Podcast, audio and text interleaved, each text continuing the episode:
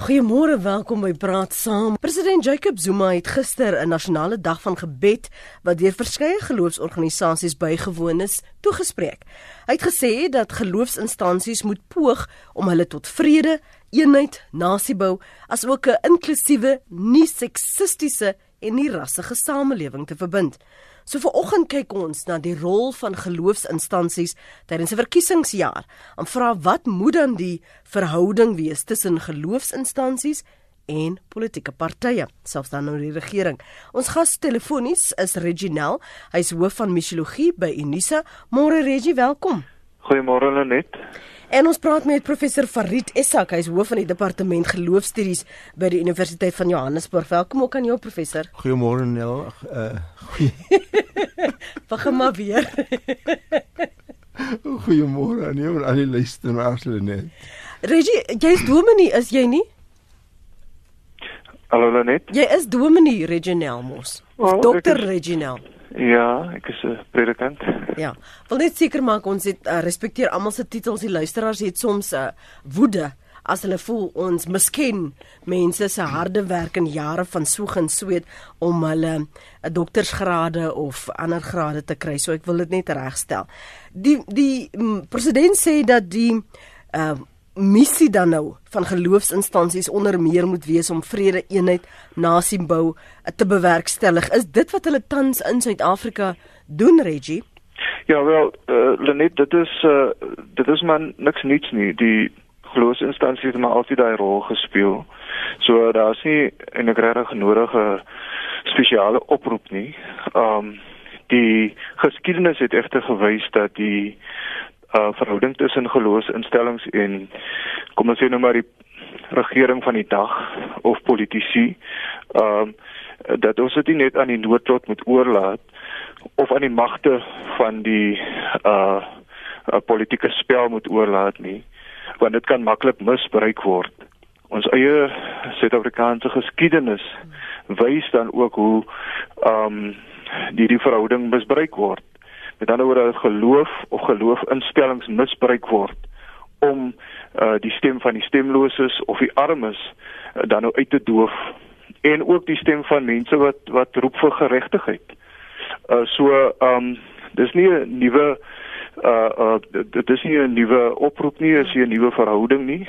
Uh die vraag is en ek dink die gesprek moet eerder wees oor hoe die verhouding moet wees tussen geloofsgemeenskappe of dan nou geloofsinstellings en en die en die politieke leierskap of die regering van die dag en ek dink uh, miskien sal ons bietjie daaroor later sê. Ja, dit is dis die die ger, die kern op ges, punt, fokuspunt van ons gesprek. Ja. Uh, hoe sou jy tans die vir die verhouding tussen politici, die regering en geloofsinstansies in Suid-Afrika op die oomblik beskryf? Wel, dit verskil in 'n groot mate van die verhouding in die apartheid uh, era. In die in die apartheid era was daar 'n uh, groot groep uh van die uh van die groter kerke of die meer bevestigde kerke uh wat hulle on wat hulle skaamteloos aan die kant van die apartheidsregering uh geskaaf het. En dat, dit was nou hulle missie, dit was 'n deel van hulle teologie. En dan aan die kan, aan die ander kant, jy 'n klomp ander kerke gekry, godsdienstinstellings gekry, ehm um, wat hulle onomwonde aan die kant van die onderdruktes geskaar het.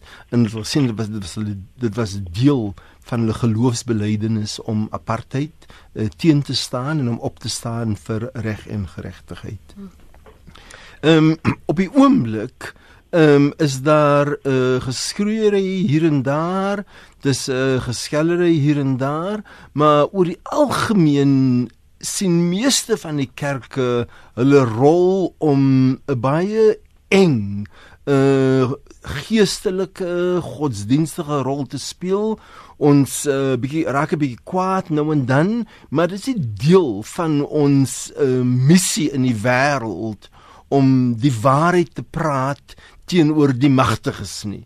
So bly maar stil, hou jou kop af um, en laat dinge maar rondom jou aangaan en kla maar van die gevolge van hierdie ding. kla maar bietjie oor armoede, kla maar bietjie oor lyding, kla maar bietjie oor uh oor die uh, dwelmmiddels en so aan, maar moet net nie verwys na die kernbronne of die ontstaansbronne van hierdie on uh, sosiale finansiële onregverdighede die uitbuiting van mense uh, die min geld wat mense betaal word die sosio-ekonomiese instellings wat eintlik lei na armoede toe. Ehm um, en as ons kan wegbly van die politiek bly weg want uh, môre o môre wil ek ook eh, 'n uh, aansoek gaan doen by die departement van maatskaplike werk vir my kleine um self-help skema of my voedingsstelsel mm. en moontlik ook 'n bietjie uh, ek is vandag as ek 'n kerkleier uh, maar môre o môre wil ek miskien so in die, in daai departement ook 'n job kry so um die ding is veel meer bemodder uh, as wat dit was in die apartheid era. Hoe hoe kom die huiwering dan behalwe nou die, die scenario wat uh, Fariti skets Reggie dat 'n mens dalk later moet bakkan staan juis voor die uh, regering se deur of 'n instansie se deur vir wie jy gekritiseer het. Hoekom dan die huiwering nou om sterk standpunt in te neem? Okay om hier en daar 'n bietjie te kla soos hy uitwys, maar om sterk standpunt in te neem en te sê maar die kerk of ons is teen korrupsie, ons is teen uh, uitbuiting van mense, ons is teen slawerny byvoorbeeld. Ja, kyk, uh, ek dink wat wat vandag ehm um, miskien belangrik is is die skuif ook in die kom kom ons nou nou maar die teologie van geloofsgemeenskappe hoe geloofsgemeenskappe ehm um, dink oor oor hulle rol teenoor die staat en uh, hoe hulle hulle uh bronne ehm uh, hulle tekste interpreteer uh en een van die gevare is dat uh dit op 'n baie interpersoonlike wyse geïnterpreteer word. Met ander woorde, geloof gaan net oor my persoonlike saligheid uh geloof gaan bloot oor my persoonlike kom ons sê nou maar uh rykdom of gesondheid persoonlike omstandighede. Dis 'n baie persoonlike inter interpretasie. Nou die laaste 2 3 dekades het 'n bepaalde teologie baie sterk grond gevat in verskeie geloofsgemeenskappe. En dis een van die redes hoekom daar nie 'n uh, kom ons sê maar 'n sosiale teologie sterk ontwikkel nie Uh die laaste twee kom ons sê twee dekades het daar ontstaan aan die ander kant 'n teologie, 'n publieke teologie wat eerder sê dat geloof is nie net persoonlik, die geloof het ook publieke konsekwensies en as geloofsgemeenskappe moet ons ook ehm um, kyk na die uh publieke leierskap So dit uh is is uh, op 'n teologiese vlak is daar die rede hoekom daar nie 'n sterk stem by sterk na vore kom nie, maar uit die publieke teologie is daar nou weer 'n teken van hoop of ons het nou publieke teologie noem of profetiese teologie of uh, bevrydingsteologie. Ehm um, vanuit daai hoek af uh, kom daar al hoe meer en meer stemme wat sê dat die stryd om geregtigheid kan nie net oorgelaat word aan uh die regering van die dag of aan 'n bepaalde politieke party nie. Ek dink dis die een. Die ander is ook dat die tipe van styl van politiek of die styl van uh ehm um, die stryd, uh, die kultuur van politiek het het ook geskuif.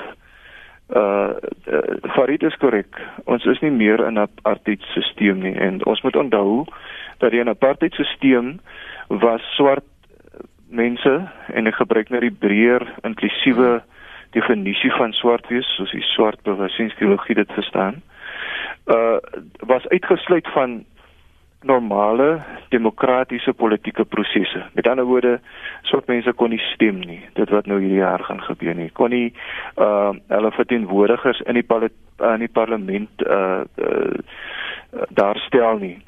Daarom was buiteparlementêre politiek en buite parlementêre uh, strategieë was aan die orde van die dag. Dit was publiek, dit was ehm um, kom ons sê nou maar uh, uh, dit was soms uh onorthodox. Uh maar vandag uh, soos in Suid-Afrika in 'n uh, kom ons sê in 'n demokrasie. Hmm. Met ander woorde, die styl van betrokkenheid uh het ook verander. Uh die stem wat uh, buite die parlement uh, gewees het is nou in teorie ten minste binne die parlement. Mm.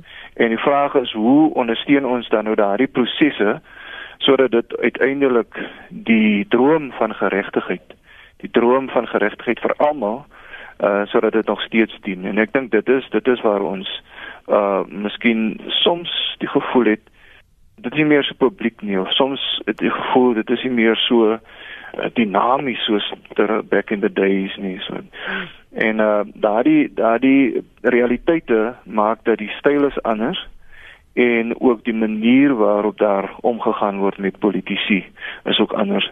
Uh wat wat president Zuma deesdae doen en ek dink ons sal dit meer en meer sien. Ek dink Farid sal met my saamstem dat meer en meer sal ons sien politici wat daar opdaag by kerke en by uh godsdienstige byeenkomste en mense aanmoedig om asseblief te bid vir vrede.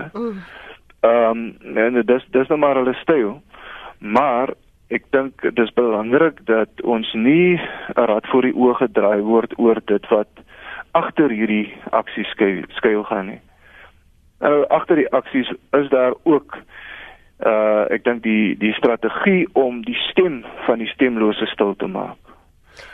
Ek wil ek wil hoe kan gou net op daai punt stil hmm. staan hmm. want want dit is een van die punte wat eenvry luisteraars hier aanraak.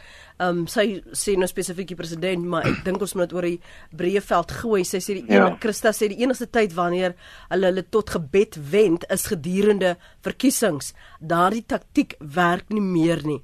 Farid het uh, gemeen geloofsgemeenskappe hulle self toegelaat om 'n politieke speelbal te word. Uh, beslis. Uh, meeste politiek meeste uh, godsdienstige gemeenskappe. En dit is nou uh, ek praat nou hier van die Jode, ek praat nou hier van die Moslems en ek praat nou hier van die Christene, die oorweldigende meerderheid. Ehm um, jy weet daar is iets van godsdienstleiers en hiërargie wat uh dis amper so 'n soort soort. Ehm um, ons is besig met mag ons wil geken word. Ons wil geken word. Ons daai mense met die groot hoede of die chief, die die die the grand mufti, the chief rabbi, uh, ons wil geken word. En as ons geleentheid kan kry om te pose vir 'n kikkie met 'n president of 'n minister, o ons wag nie 'n sekonde nie, ons haas. So daar is ook 'n hele magdinamika hier agter dat hulle erken vir ons, hulle doen vir ons die guns om vir ons te erken en ons dan soos uh, geduldig gedienstig en gedwee, ons is daar vir die aksie. Ons straak nie wat is die moraliteit van die aksie nie vir watter doel word die aksie gebruik word hier word ek as 'n papegaai gebruik met teenvoor met my simboliese teenwoordigheid by hierdie geleentheid word gebruik. Ehm um, en so dat so dat ek dink die magdinamika tussen politici en die hiërargie of die leierskappe van kerke en godsdienst van en godsdienskap en godsdienstgemeenskappe. Ehm um, dit dit is ook 'n dinamika wat mm. wat wat hier lê na in 'n sekere mate die uitverkoping van godsdienstinstellings aan uh politieke partye. Sjoe. Ek is seker ons luisteraars gaan daarop wil reageer die uitverkoop van godsdienstgemeenskappe. Kom ons hoor wat dit Ivan op die hart Ivan môre. Hallo, goeiemôre Lenet en goeiemôre aan die luisteraars. Jammer vir my stem. Ek was bietjie by 'n begrafnis en ek het bietjie verkoue opgedoen. Lenet, ek wil net graag sê man, jy weet uh die die rol van die kerk is kom al van baie baie jare gelede uh kom die rol van die kerk waar die kerk 'n rol het te speel om jy weet wat die Bybel vertel ons ook van 'n verkiesing mm. waar die volk van Israel die vryheid gegee was om oor 'n belangrike verwikkeling in hulle volksgeskiedenis te stem. Jy weet in die tyd van Joshua uh die regering uh die hy was die regering van die volk het hulle ook het hy ook hulle met die woorde begroet om te sê uh kies julle vandag wie julle wil doen Joshua 24 vers 15 So so hierdie gebeurtenis wys vir ons dat uh godsdienst speel 'n baie ou rol. Dit kom al van baie jare aan, jy weet.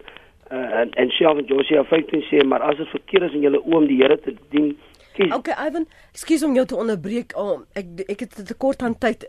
Okay. Wat hoe hoe wat, wat sê ek jy? jou wil sê net aan die einde van die dag is uh, uh, die mense uh, die die leiers die kerkleiers het 'n rol om mense in te lig om deel te neem aan plaaslike regering Hmm. want dan as hulle nie deelneem nie het daardie het dit 'n effek op hulle daaglikse lewe in hulle gemeenskappe. So jy's jy's gemaklik daarmee as 'n uh, 'n leier van 'n preekstoel uh, staan en sê maar julle moet gaan stem, daar's baie ongeregtigheid, daar's 'n korrupsie en op daai manier is dit vir jou aanvaarbaar. Net uh, dit dit is korrek so omredes dat uh, ons op plaaslike verkiesing het dit meer te doen met gemeenskaplike goed. Jy weet wanneer jy uit jou uh, buite uit jou hekkie uitstap en jou pad is vol gate, jy kry nie dienste nie. Plaaslike regering het meer te doen met die van dag tot dag goeder. So dis nie so groot soos 'n uh, partye. Mense moet nie fokus op partye nie, maar meer meer op mense in jou dorp, die persoon. Ken jy die persoon? Kan die persoon 'n verskil maak in jou dorp van van die, dit het van jou dag tot dag uh, te doen. Goed. So ek sal sê net op daardie rede het leiers, kerkleiers 'n rol om hulle gemeente aan te moedig om wel deel te neem aan plaaslike verkiesing. Baie dankie vir jou mening daarso. Ons gaan nou nou loer wat sê ander van julle op 089 1104553. 'n Luisteraar skryf: "Die kerk moet uit politiek bly. Toe God op aarde was, het glad nie met die politiek betrokke geraak en weggebly van politici. God het ons gewaarsku met die aanstelling van Saul dat politici nie vertrou kan word nie. Moet geloofsgemeenskappe net uit hierdie politieke um, maalkolk bly, uh, Dominee Nel?" Ag net jy kan my sommer Reggie noem. Ek ek het net vir die volgelinge. Die die uitverkoop waarvan ehm um, Farid praat van godsdiens, is dit wat ons sien gebeur het en nou Ja. gebeur. Ja nee, dis dis waarna ek verwys het vroeër na die tipe van teologie wat gaan oor persoonlike uh, uh persoonlike ehm um, gain waar ek nou net uh, gestel is op myself. Uh, dit lyk vir my dat ons ons verder moet gaan as bloot net um, om mense te aan te moedig om te gaan stem. Ons ons sal uh, as geloofsgemeenskappe die gesprek rondom moraliteit lewendig moet hou. Wat beteken dit om moreel te wees as 'n openbare leier? Uh, of dit nou 'n politikus is of iemand wat in 'n staatsinstelling werk of selfs 'n besigheidspersoon uh, persoon. wat wat be, wat bedoel ons met moraliteit binne vandag se konteks? Hmm. Dink is 'n tweede ding wat wat ook belangrik is. Ons sal op 'n simboliese vlak die ding moet deurbreek, hierdie narratief dat dit was net die ANC wat bevryding bewerkstellig het. Hmm. Dit was nie net die ANC nie. Daar was verskeie, dit was die breë, daar, daar was 'n breër ekumeniese beweging, kerklike beweging. Uh daar was intergeloofsbewegings wat wat die stryd gestry het, uh, die die hele sanksieveld tog. Daar was regslei gewone mense op die strate wat die verskil gemaak het en ek dink op 'n simboliese vlak sal ons begin om die groter storie te vertel. Ehm um, uh en mense uh, op daardie wyse ook in te lig. Uh en en ek ek het nou oor die naweek met uh, iemand gesels uh, in Noordgesel was daar 'n bekende persoon maar Westa Smit wat in Johannesburg so 'n groot rol gespeel het, diep stryder. Maar sy het al die jare het sy besluit om in Noordgesig te bly. Sy het nooit in, in een van die voorstede gebly nie. Sy was 'n gewone gemeenskapslid en ehm um, uh, uh, tog was sy een van die persone wat wat voorgeloop het in die stryd teen teen apartheid. Hoe vertel ons daai stories? Ehm um, hoe bring ons die boodskap oor dat die ANC het nie alleen reg op die stryd geskiedenis nie. En dis die rol dink ek wat geloofsgemeenskappe moet speel.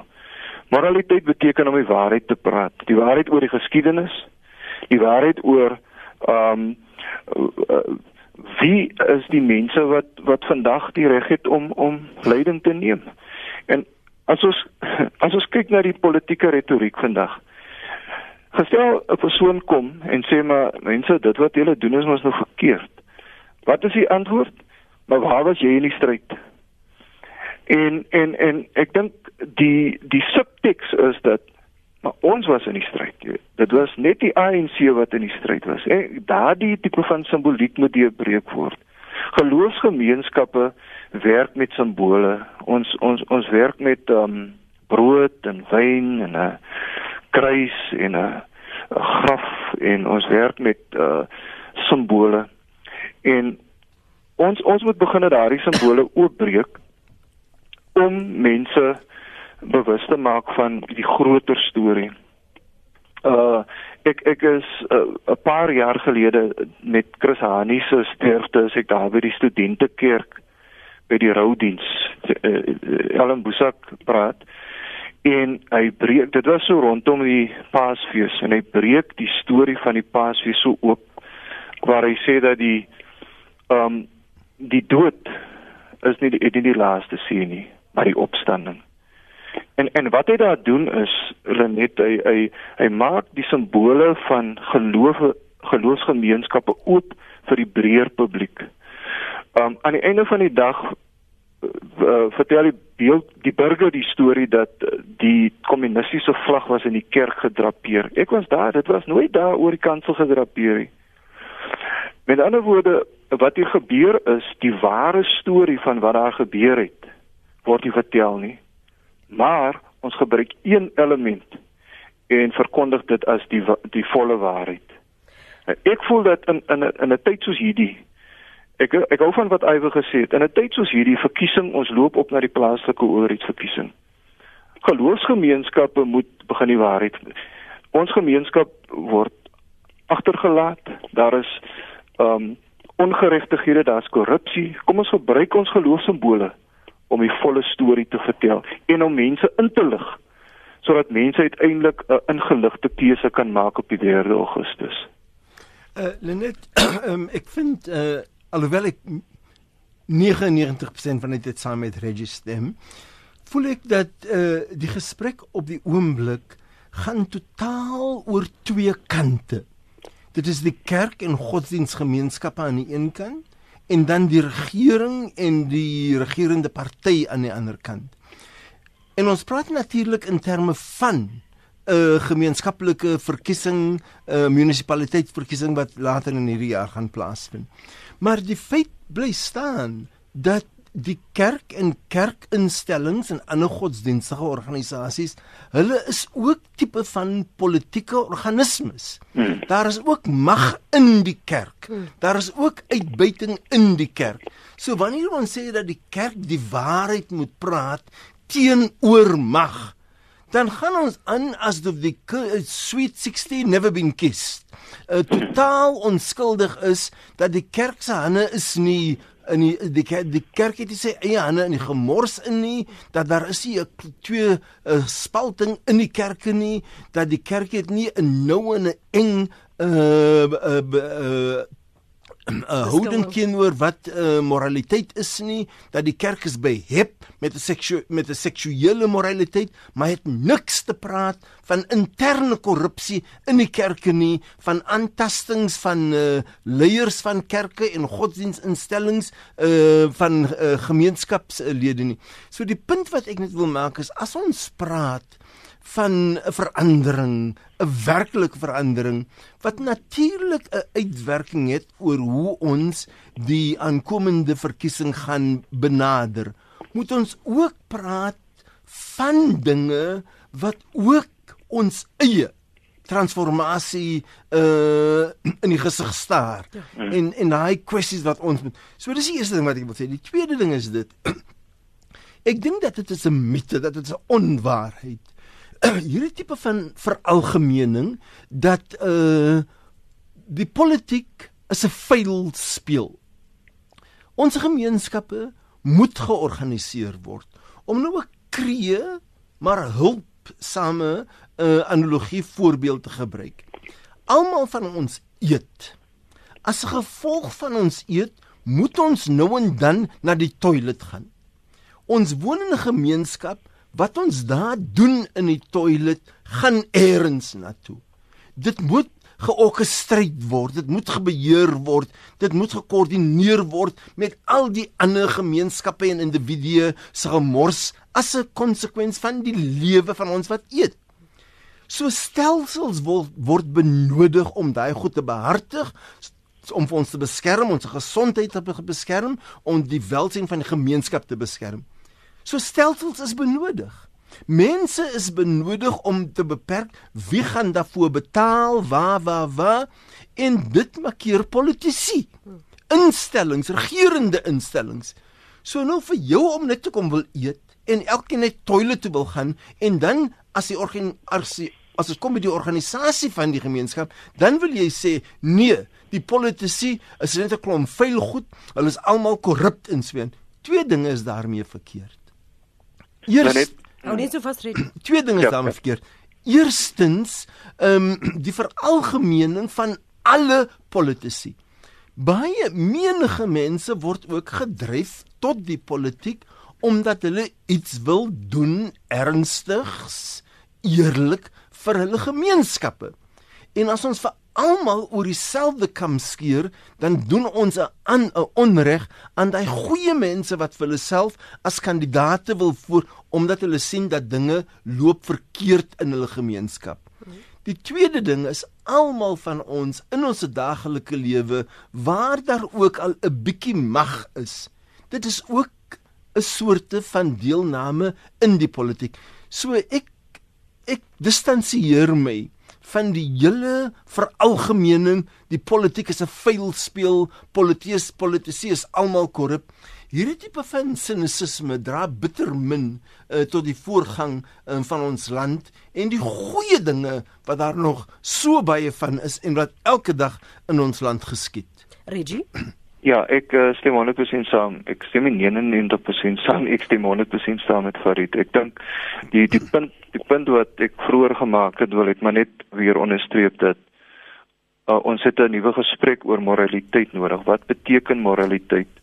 En hoe uh dis wat ek vroeër genoem het, hoe uh help ons publieke leiers vandag of dit nou politici of mense in staatsinstellings is of besigheidsmense. Hoe help ons mekaar om uiteindelik uh jy weet die moraliteit en die droom van 'n morele samelewing om dit na te streef en om dit uit te bou. Mm. Die feit dat geloofsgemeenskappe um ook deel is van die breër magspel. Um kyk dit is nou nie iets waaroor ons hoef uh, uh, klippe te uh, kou nie of of ware te kloof nie.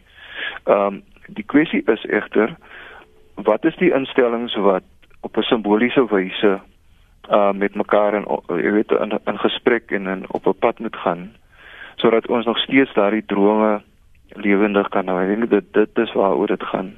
En elke gemeenskap uh, het sy eie uitdagings. Um, ons is almal nou hier praat ek nou as 'n gereformeerde Calvinis. Ons is almal onder uh, 'n 'n sonde ontvang en gebore en altyd geneig tot uh kwaad. So ons moet almal van ons moet deel wees van 'n proses waar ons mekaar 'n soort van ehm um, wat daar checks and balances is, ja. is die Engelse woord. Waar ons mekaar soort van voortdurend korreleer, korreleer en korrigeer oor hoe ons die droom gaan nastreef. Dani, dankie dat jy aanhou. Môre. Hallo Lenet, drie punte. Mhm. -huh. Eerste punt vir my is die kerk moet hom uitspreek oor reg en verkeerd. Nou, met ander woorde, nie net die regering nie. Dit sal dan die regering wees. Ehm um, maar in die algemeen in die samelewing moet hom uitspreek oor reg en verkeerd. So ja, as dit dan die regering is wat verkeerd is, dan moet hom uitspreek daartoe. En dit was nog altyd so van die dag wat regering ingestel het en ek sal dit nou net vir jou bewys met my punt nommer 3. Punt nommer 2 is dis 'n jammerte dat deur die tyd toe hulle teen apartheid geveg het en nou al die tye andersins dat dit vermenslik is hierdie gesprek. Want die oomblik as jy swart teologie of wit teologie of bevrydingsteologie inbring, dan vergeet jy van God. Dan maak jy dit menslik en na my mening dan dan is jy op gevaarlike terrein. Want dan dan gaan dit nie meer altyd oor God nie, dan gaan dit oor die mens. My derde punt. Toe die kerk was op 'n stadium korrup. As jy nou gaan kyk in 1 Samuel 8, Samuel se seuns was nie soos hy nie. Dan word ja, stem saam. Die kerk het nie altyd so lekker gewerk nie. Toe kom die volk toe sê hulle luister, ons soek 'n koning.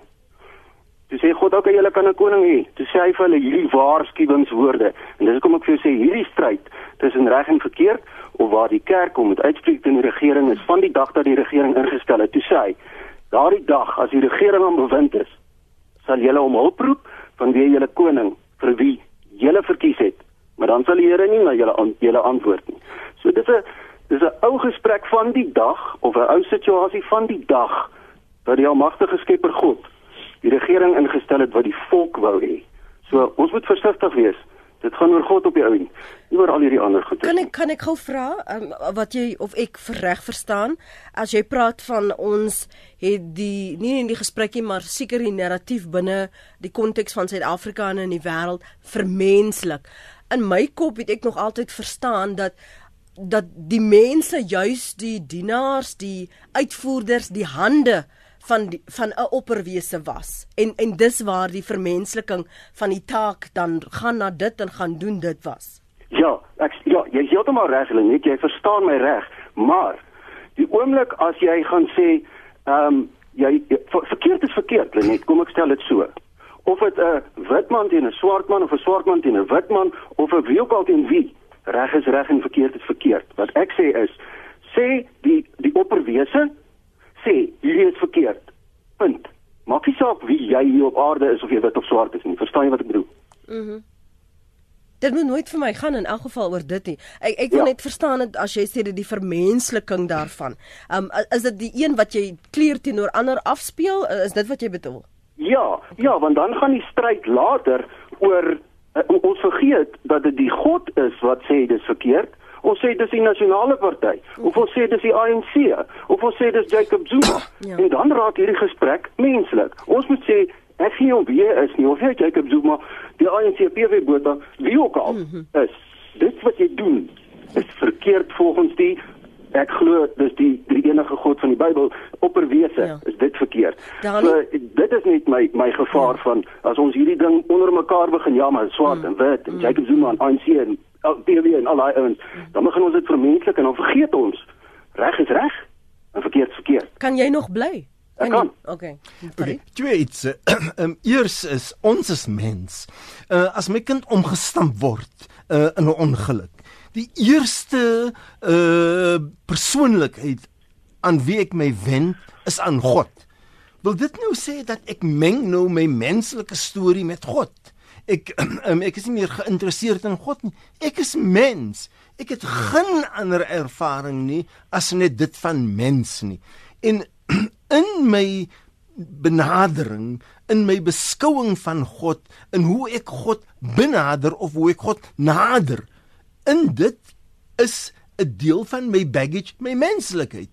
So die eerste ding is daar is nie 'n manier hoe ek nader aan God kan tree nie net as mens nie en dit mag sekere vertolk as die vermensliking van God of jy sit in jouself hier in die middel en jy skuif nou vir God agtertoe.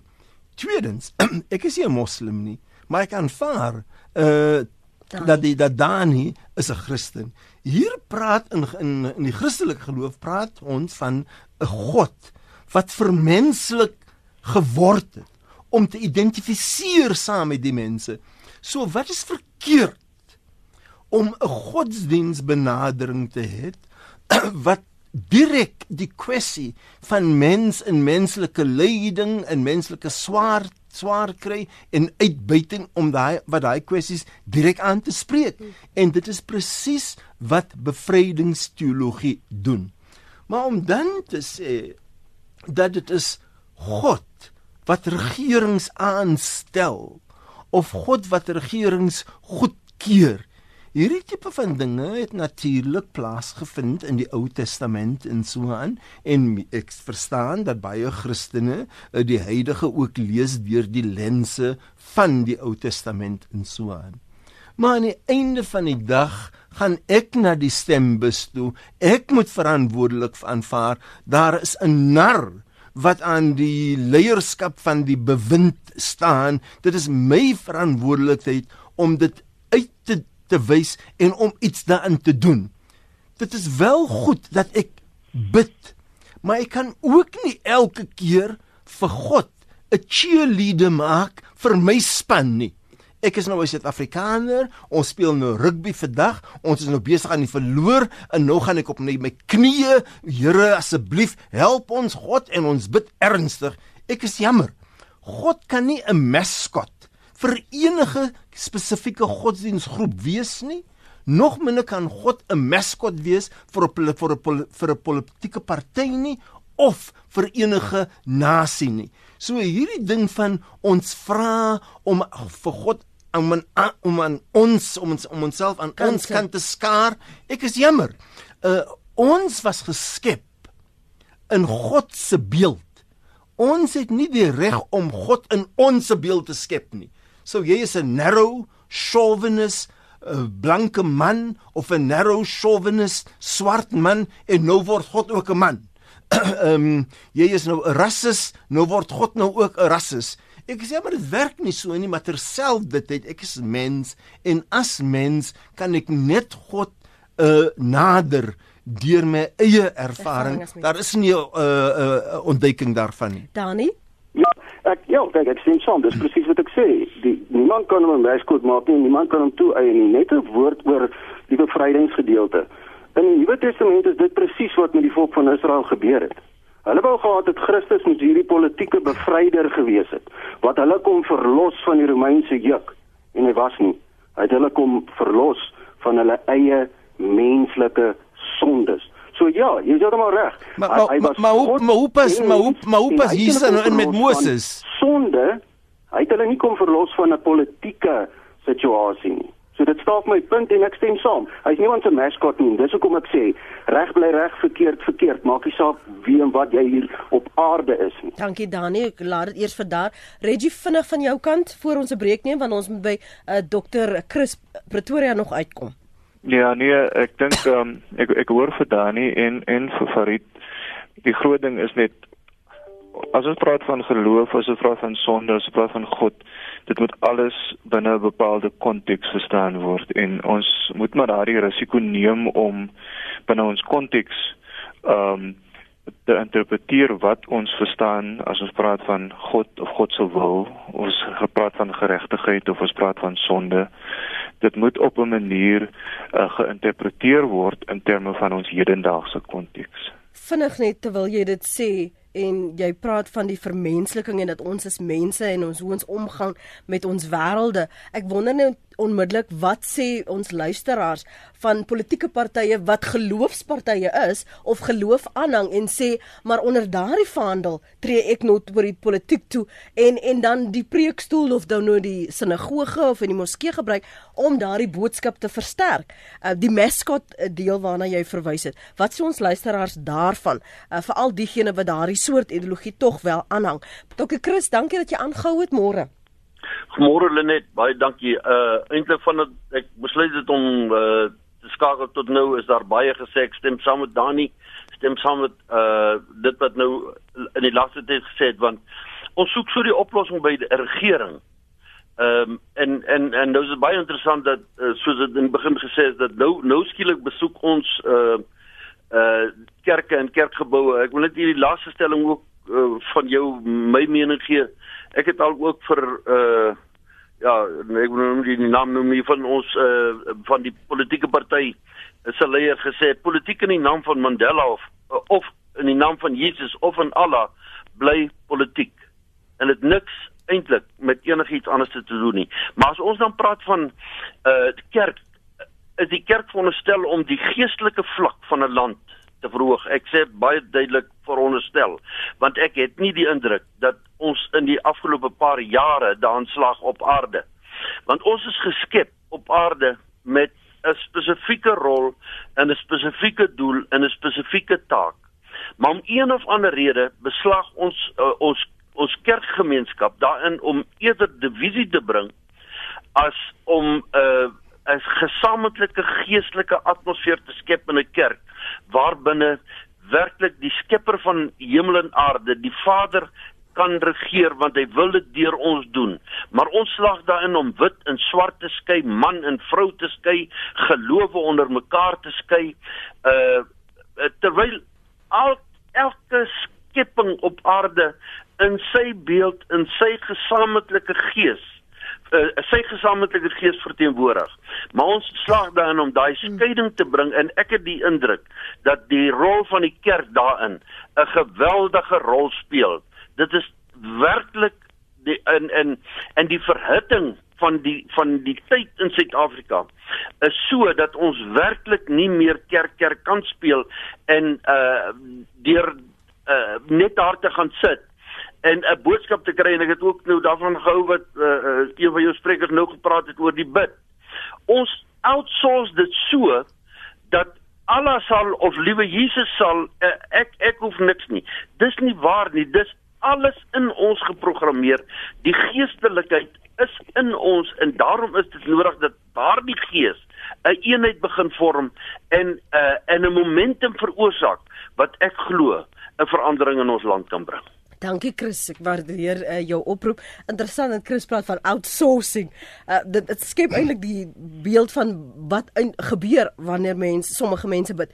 So ek wil wat hy praat oor hierdie divisie wat gesaai word uh, Reggie, hoe dan skep ons 'n een stem of dan nou 'n een eenheid sonder om te verdeel. Va ja. En en dan daarmee saam wil ek vir jou vra die doel en die effektief was hierdie forum uh, wat wat dan nou die regering van tyd tot tyd van raad bedien hierdie waar almal ek weet nie wat die internasionale inter, inter uh, kerklike raad ja. Die doel daarvan en is hulle effektief? Want want ek sou dink dat dit is hoekom ons dit geskep het sodat hulle met een stem uh, kon praat. Ek dink hulle net ons moet ons moet een ding miskien net uh, van die twee luisteraars net net uh, sê.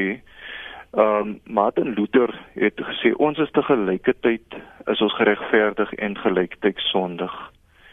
Uh wat hy daarin wil sê is dat alles wat ons doen, selfs in in wie se naam ook al, ons ons is altyd geneig en daar's altyd 'n gevaar dat ons ons eie belange voorop kan stel. Daar's altyd 'n gevaar dat ons ons menslike interpretasies kan inlees. En daarom moet ons net drie dinge vir mekaar sê.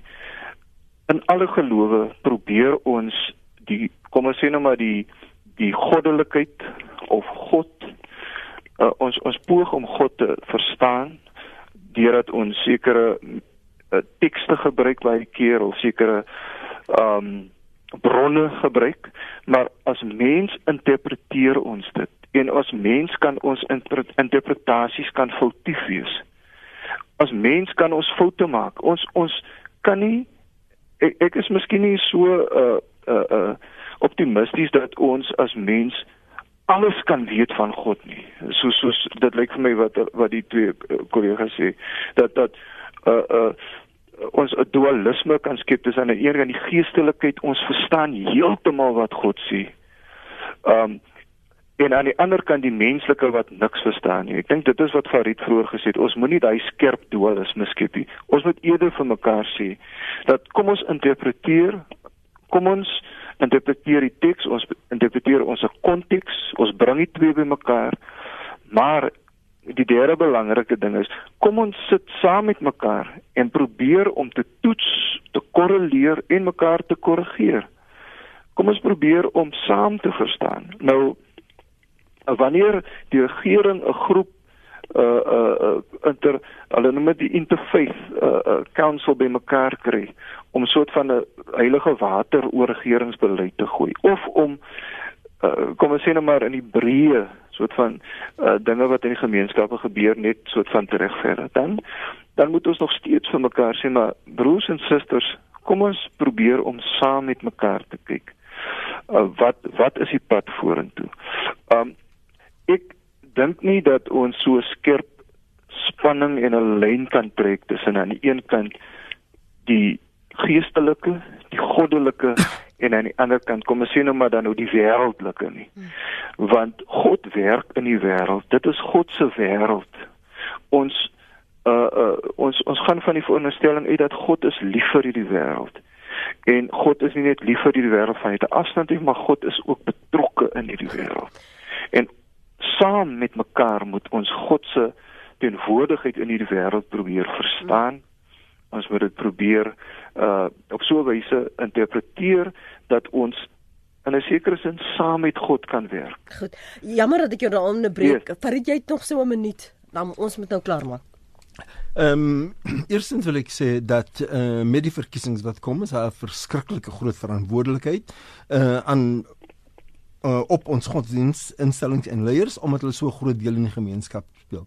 Dit het deel daarvan is om mense aan te moedig om 'n bydrae te lewer tot die samelewings en een van die minste wat ons kan doen is om te gaan na daai uh na daai verkiesing na na daai verkiesingsstasie en ons uh, krisis daar te maak. Dit is een van die minste wat ons kan doen. Tweedens, hoe neem ons deel op 'n alledaagse basis in 'n konstruktiewe manier op sosiale projekte menige wat gedrewe word wat gedryf word deur die kerk en sommige wat nie kerklike organisasies is nie. As gelowiges, hoe vind ons sterkte uit ons godsdienstige bronne, maar gebruik daai sterkte vir die verbetering van ons samelewing en vir die verbetering van ons land. Derdens, die waarheid, ons het 'n morele en 'n politieke verantwoordelikheid en 'n godsdienstige verantwoordelikheid om die waarheid te praat. Daai waarheid moet gepraat word menige kere ten koste van ons korttermyn persoonlike of kerklike of gemeenskaplike of godsdienstige belange. Daai waarheid moet gepraat word teenoor die teenoor die regering, teenoor ons eie rabbis, teenoor ons eie narrow chauvinisme, ons kerk se seksisme, ons kerk se patriargie en ons kerk se rasisme. Daai waarheid moet gepraat word. Daai waarheid moet gepraat word teenoor ons self en ek self as mens. Farid, jy kom altyd te kort. Jy's nooit daai ou wat jy wil wat jy wil hê mense moet dink oor jy nie. Jy's minder as dit. En derdens, hoe kry ons die moed om daai waarhede te praat teenoor die owerhede ten spyte van die feit dat ons hulle markeer en hulle vir ons markeer. En laastens, hoe verhoed ons altyd dat ons instellings nie uitgebuit word vir noue politieke doeleindes nie, maar terselfdertyd hoe laat ons onsself toe om gebruik te word om ons land verder te bou en daarmee 'n beter wêreld vir almal te skep. Baie dankie aan Dominee Reginel, hoof van misiologie by Unisa en professor Farid Essak, hoof van die departement geloofstudies by die Universiteit van Johannesburg, dat julle altyd julle waarheid van hoe julle beskouing met so openhartig met ons luisteraars en die land deel. Waardeer dit Regie, dankie vir jou tyd, dankie dat jy ingekom het Farid. Dankie vir jou Lene.